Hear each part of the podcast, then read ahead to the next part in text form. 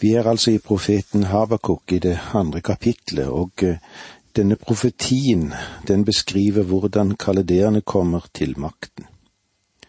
Habakuk hadde sett hvordan dette mektige folket ble brukt når det gjaldt dommen over Ninive. Og eh, det så ut til at de var Guds redskaper. Men så oppsto det da et problem, da det viser seg at disse folkene, de var like onde, de som asyrerne de som de hadde beseiret.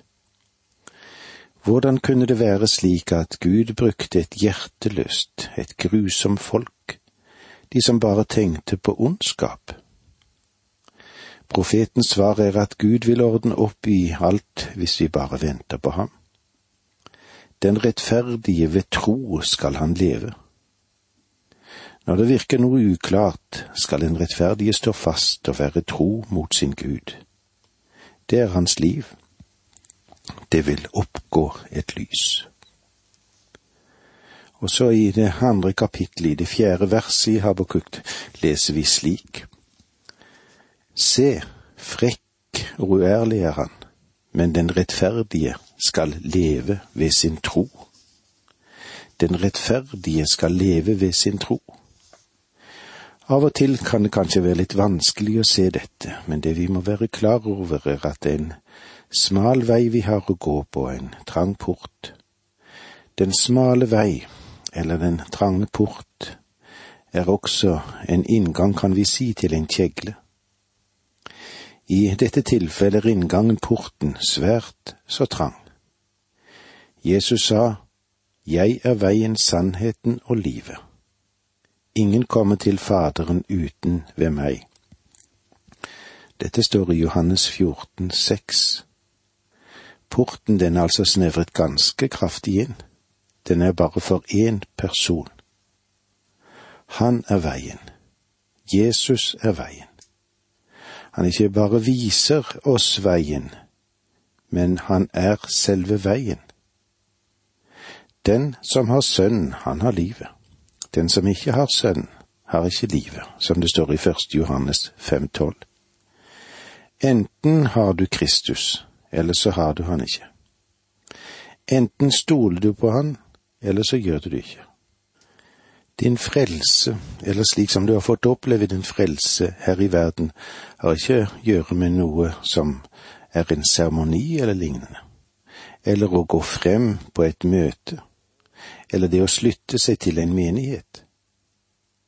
Din frelse, den er avhengig av ditt fellesskap med Jesus Kristus, den. Og det er grunnen til at det er en trang port. Gud har gitt denne verden denne ene veien, det finnes bare denne veien. Og selve hovedspørsmålet er da, hva vil du gjøre med Jesus som døde på korset og sto opp igjen? Det er grunnen til at Jesus sa, Trang er den port, og smal er den vei som fører til livet, og få er de som finner den. Denne porten, om vi kan si det på den måten, har en kjegleformet inngang. Du går inn gjennom den trange port. Kristus er veien. Men når du går inn, så blir den ikke smalere og smalere. Nei, den utvider seg Jesus sa det slik i det tiende verset i kapittel ti hos Johannes. Jeg er kommet for at dere skal ha liv og ha overflod. Å, og hvor deilig det er med denne frihet og denne romsligheten han gir alle de som tilhører ham, uansett hva folk måtte finne på. Den kristne som gikk inn gjennom den trange port, bør stole på Kristus som frelser og at han aldri kommer til det punkt at veien blir smalere. Aldri til et punkt der porten blir trangere. Den kristne lever han. Veien utvider seg. Horisonten blir videre. Håpet lysere. Vil du da virkelig leve utenom ham? Nei, du burde komme til Kristus og få oppleve dette store, som er å få leve sammen med en som frigjør deg. Når vi går videre nå i det femte verset i kapittel to her i Habakuk, så vil vi se en lignelse for profeten. Hva nå med den andre gruppen? De som har en sjel som er frekk og uærlig. Følgende vedrop er rettet mot dem som henviser primært til de plundrende babylonerne som ville beseire Juda. Disse ved er like systematiske og ryddige som alt annet du finner i Bibelen. De blir presentert i fem avsnitt, hver på tre vers. Vi leser nå det femte verset i kapittel to. Rikdommen skal svikte den stolte, han skal ikke nå sitt mål. Som dødsrike spiler han opp sitt gap, umettelig er han som døden. Han soper til seg alle folk og samler folkeslagene til seg. Rikdommen skal svikte den stolte. Han taler om babylonerne. Da dette ble uttalt, var Babylon ikke noe stort rike. Det ble det noe senere ved Daniel sin tid. Den første anklage mot dem er at de var stolte. De ville gjerne dra ut og erobre. Som dødsrike spiler han opp sitt gap. Umettelig er han som døden. De var besatt av en intens trang etter erobring. De var aldri tilfredse. De fortsatte med å angripe nasjon etter nasjon. De samlet seg krigsbytte og fanger. Babylon, det ble den første store verdensmakt, det. De ønsket å herske over verden. Det har vært et begjær, det, og det har vært et mål for mange store nasjoner opp igjennom i tiden i vår verden. Når vi ser inn i de forskjellige bibeloversettelsene, så kan vi si at den oversettelsen som vi har her, er en lignelse sammenlignet med det som kommer bort i den, skal vi si, den gamle oversettelsen, hvor det står så er og vinen troløs, en skrytende mann. Han skal ikke bli boende i ro. Hva forteller dette oss? Jo, sammenligningen her, den er jo ganske tydelig. At vinen, den gir tilfredsstillelse til å begynne med, men så ender det opp i forferdelse. Selve dette temaet som vi nå er innom, og sammenligningen, den kommer opp flere ganger i profetenes skrifter. Dette møter du hos Amos, hos Joel, hos Nahum, og nå også her da hos Habakuk. Nahum gjør det klart at det var drukkenskap som førte til Asyrias undergang. Amos han forteller oss at det var drukkenskap som fikk Gud til å sende Nordriket i fangenskap. Og nå antyder altså Habakuk her at det er drukkenskapen, stoltheten, som vil få Gud til å knuse Babylon. Drukkenskapen karakteriserte Babylon, det vet vi. Det kan du lese om i Daniel 5, som forteller om Belsesars store fest. Det var den natten da Babylon falt, det. Hvorfor det, da? De var drukne. Det var en natt med hor og drukkenskap. De kjente seg absolutt trygge, ja, de følte seg sikre i en beleiret by. Drukkenskap førte også til Roms fall. Besøker du, eller har du besøkt Ostia, tre mil sør for Rom? Ved fiberen ved utløpet mot kysten så avslører ruinen i Ostia at romerne, de henga seg til frivolitet og drukkenskap. Det var derfor de reiste dit. Dette var romernes lekeplass. Hvilke nye nasjoner skal fråtse seg og drikke seg til undergang? Her i denne lille boken til Habakuk, der sier Gud at drukkenskap har ført til stolthet og i tillegg til det har ført ham til dødsriket, der alle sjanser er spolert. I ordspråkene sies det slik, blodiglen har to døtre. Gi og gi. Det er tre som ikke blir mette, fire som aldri får nok. Dødsrike. Det kan du si ordspråkene 30, 15 og 16. Dødsriket er den første på listen. Habakuk bruker det samme uttrykket, han. Umettelig er han som døden. Skal stadig utvide sitt revir, flytte sine grenser, blir aldri tilfreds. Og med disse ordene må vi si takk for nå, må Gud være med deg.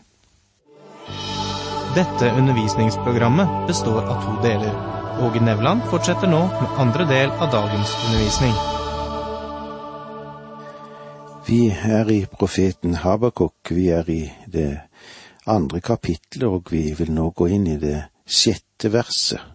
Men det vi ser om innom her, er lignelse for det som profeten har å si oss. Det som har med vedropen å gjøre. De vedropene som er rettet mot, og ja, de henviser til de som plyndrer, de som vil prøve å ødelegge og beseire Juda. Disse vedene er like systematiske og ryddige som alt annet det du måtte finne i Bibelen. De er eh, presentert i fem avsnitt, hver på tre vers, og nå er vi altså inne i det som kommer i fem vedklager over Babylon. I det sjette verset i kapittel to leser vi slik her i Habakuk. Alle disse skal stemme i en nidvis om ham, en sang full av spottord og si, ved den som samler det andre eier, hvor lenge, som soper til seg pantegods. Det første vær skarpt ordspråk mot Babylon fordi de forsøkte å tvinge seg med makt det som ikke var deres. Alle disse skal stemme i en nidvise om ham. Alle disse. Det henviser antagelig til de folkeslag som er blitt ofre for Babylons aggresjon. Som soper til seg pantegods. Det er en ting å kjøpe eiendeler og betale for det, men det er noe helt annet å ta det med makt. Gud forkynner et ved over denne nasjonen fordi de har begjær etter mer og tar det som ikke tilhører dem. De griper og tar og soper til seg. Gud hadde planlagt det slik at enhver skal arbeide for sitt utkom. Babylon ønsket at andre skulle arbeide for dem, og så ville de tvinge til seg andres rikdom og så ville de føre den med seg. Det er den første ved-anklagen som kommer. Gud vil dømme Babylon for det, og han er rettferdig når han gjør det. Vers sju Dine kravsmenn reiser seg brått, de som vil presse deg, våkner. Da skal du bli deres bytte. Alle andre folk skal plyndre deg. Det er det prinsippet om at det et menneske sår, skal det også høste. Det er noe alvorlig i dette, ikke sant? Dine kravsmenn reiser seg brått. De som vil presse deg, våkner. Da skal du bli deres bytte. Gud sier som så, du tar det fra noen annen, da vil noen annen også ta det en gang fra deg. Og sannheten er at da medeerne og perserne ble et stort rike, da tok de Babylon. En natt ble elven Eufrat, som fløt gjennom Babylon, ledet inn i et annet leie og etterlot seg et tørt elvefar som gikk rett igjennom byen og Gobrias, medernes general, marsjerte med sin hær langs elveleiebyen og tok den gjennom et overraskelsesangrep. Vers åtte Fordi du har plyndret mange folk, Alle andre folk skal plyndre deg fordi du tok menneskenes blod, gjorde vold mot landet, mot byen og alle som bor der. Menneske, ja, hva er menneske? Jo, mennesket er blodtørstig, og mennesket er begjærlig. Andre vedropet, hva gjelder det? Jo, det gjelder deres begjær, og ikke bare begjæret. Det gjelder òg den selvforherligelse som de òg har. I vers ni til elleve leser vi slik. Ved den som samler urett vinning i sitt hus fordi han vil legge sitt rede høyt og berge seg fra ulykkens hånd. Du har lagt planer til skam for ditt hus og gjort ende på mange folk. Du har forbrutt ditt liv for steinen i muren skal rope, og bjelken i treverket gir svar. Begjær, ja, hva er begjær? Hva var begjær for Babylon? Jo, begjæret var Babylons synd sammen med drukkenskapen. Deres begjær var en ond besettelse. De ønsket det som ikke tilhørte det. De hadde trang etter det som var andres eiendom. Gud sier at vi ikke skal begjære vår nestes eiendom, heller ikke vår nestes hustru, heller ikke vår nestes rikdom, fordi han ville legge sitt rede høyt og berge seg fra ulykkens hånd.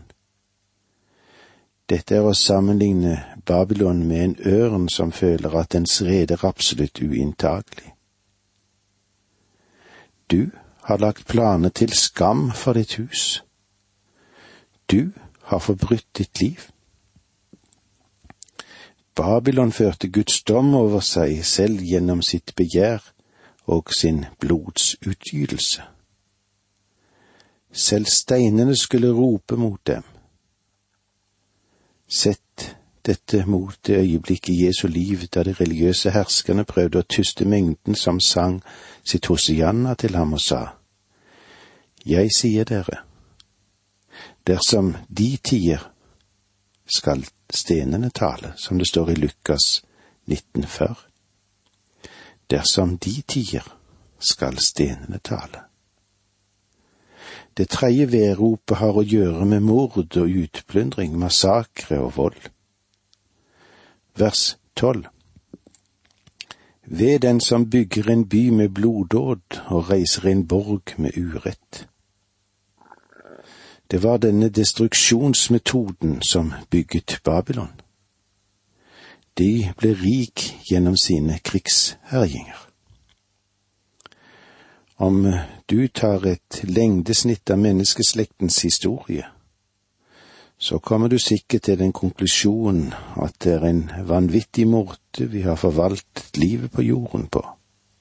Ja, synes du ikke? Og vi er egentlig vanvittige. Fra sans og samling med en syndig natur så vi ikke engang holder styr på veien vi går på. Mennesket tror at det de gjør er rett Mennesket har aldri gått i krig uten å finne fornuftsgrunner for at det var rett å gjøre det. Her møter vi Guds fordømmelse av Babylon, men forhistorien er helt moderne og passer som hånd i hanske også inn i våre moderne nasjoner. Vers 13 Er ikke dette fra Herren allers Gud? Så folkeslag må streve for ilden og nasjonen slite for intet. Tenk på alle de meningsløse anstrengelser som har vært gjort av store folkeslag i fortiden. I stedet for å bygge opp har de brukt mer tid på å rive ned. Se på Grekenland for eksempel, og deres fantastiske arkitektur. Deres statur, kunsten, litteraturen. Men faktisk brukte grekerne mer tid på å ødelegge enn å utforme. Om du følger Alexander den store på mars gjennom Lille Asia, så legger du merke til at han gjorde faktisk ingenting annet enn å ødelegge den ene byen etter den andre. Han forsøkte å ødelegge den store sivilisasjonen etter den andre. Det var det som særmerket han. Og det var det som særmerket Babylon også. Den nasjon som Habakuk her profeterer om. Vers 14 For jorden skal fylles med kunnskap om Herrens herlighet, like som vannet dekker havbunnen. Dette er det langsiktige mål som Gud beveger seg mot. Dette vil bli fullbyrdet når den Herre Jesus Kristus vender tilbake til jorden. Og la oss se hva det står i Jesaja 11,9. Ingen skader og ødelegger noe på hele mitt hellige fjell, for landet er fylt av kjennskap til Herren, som vannet dekker havets bunn. Vers 15 i Habakuk 2 ved den som skjenker sin neste, som blander gift i drikken, ja, gjør ham drukken for å se hans nakne kropp. Dette er faktisk noe forskjellig fra den drukkenskap som blir nevnt i vers fem. Og slik den gamle oversettelsen gir oss det, der sa Gud på denne måten, Vinen er troløs, en skrytende mann. Og her sier han altså ved den som skjenker sin neste, som blander gift i drikken for å se hans nakne kropp. Det tragiske er jo at uh, alkohol, det er noe som fører til grov umoral. Det leder til en, en sammenbrudd av den moralske integritet. Den fører mennesket til å begå synd det de ellers kanskje antagelig ikke ville ha begått. Det er noe å tenke på det. Til slutt i dag leser vi igjen det femtende verset, og la oss tenke igjennom hva dette innebærer for oss både som folk og nasjon. Ved den som skjenker sin neste som blander gift i drikken, ja, gjør ham drukken for å se hans nakne kropp. Og med disse ordene sier vi takk for nå, må Gud være med deg.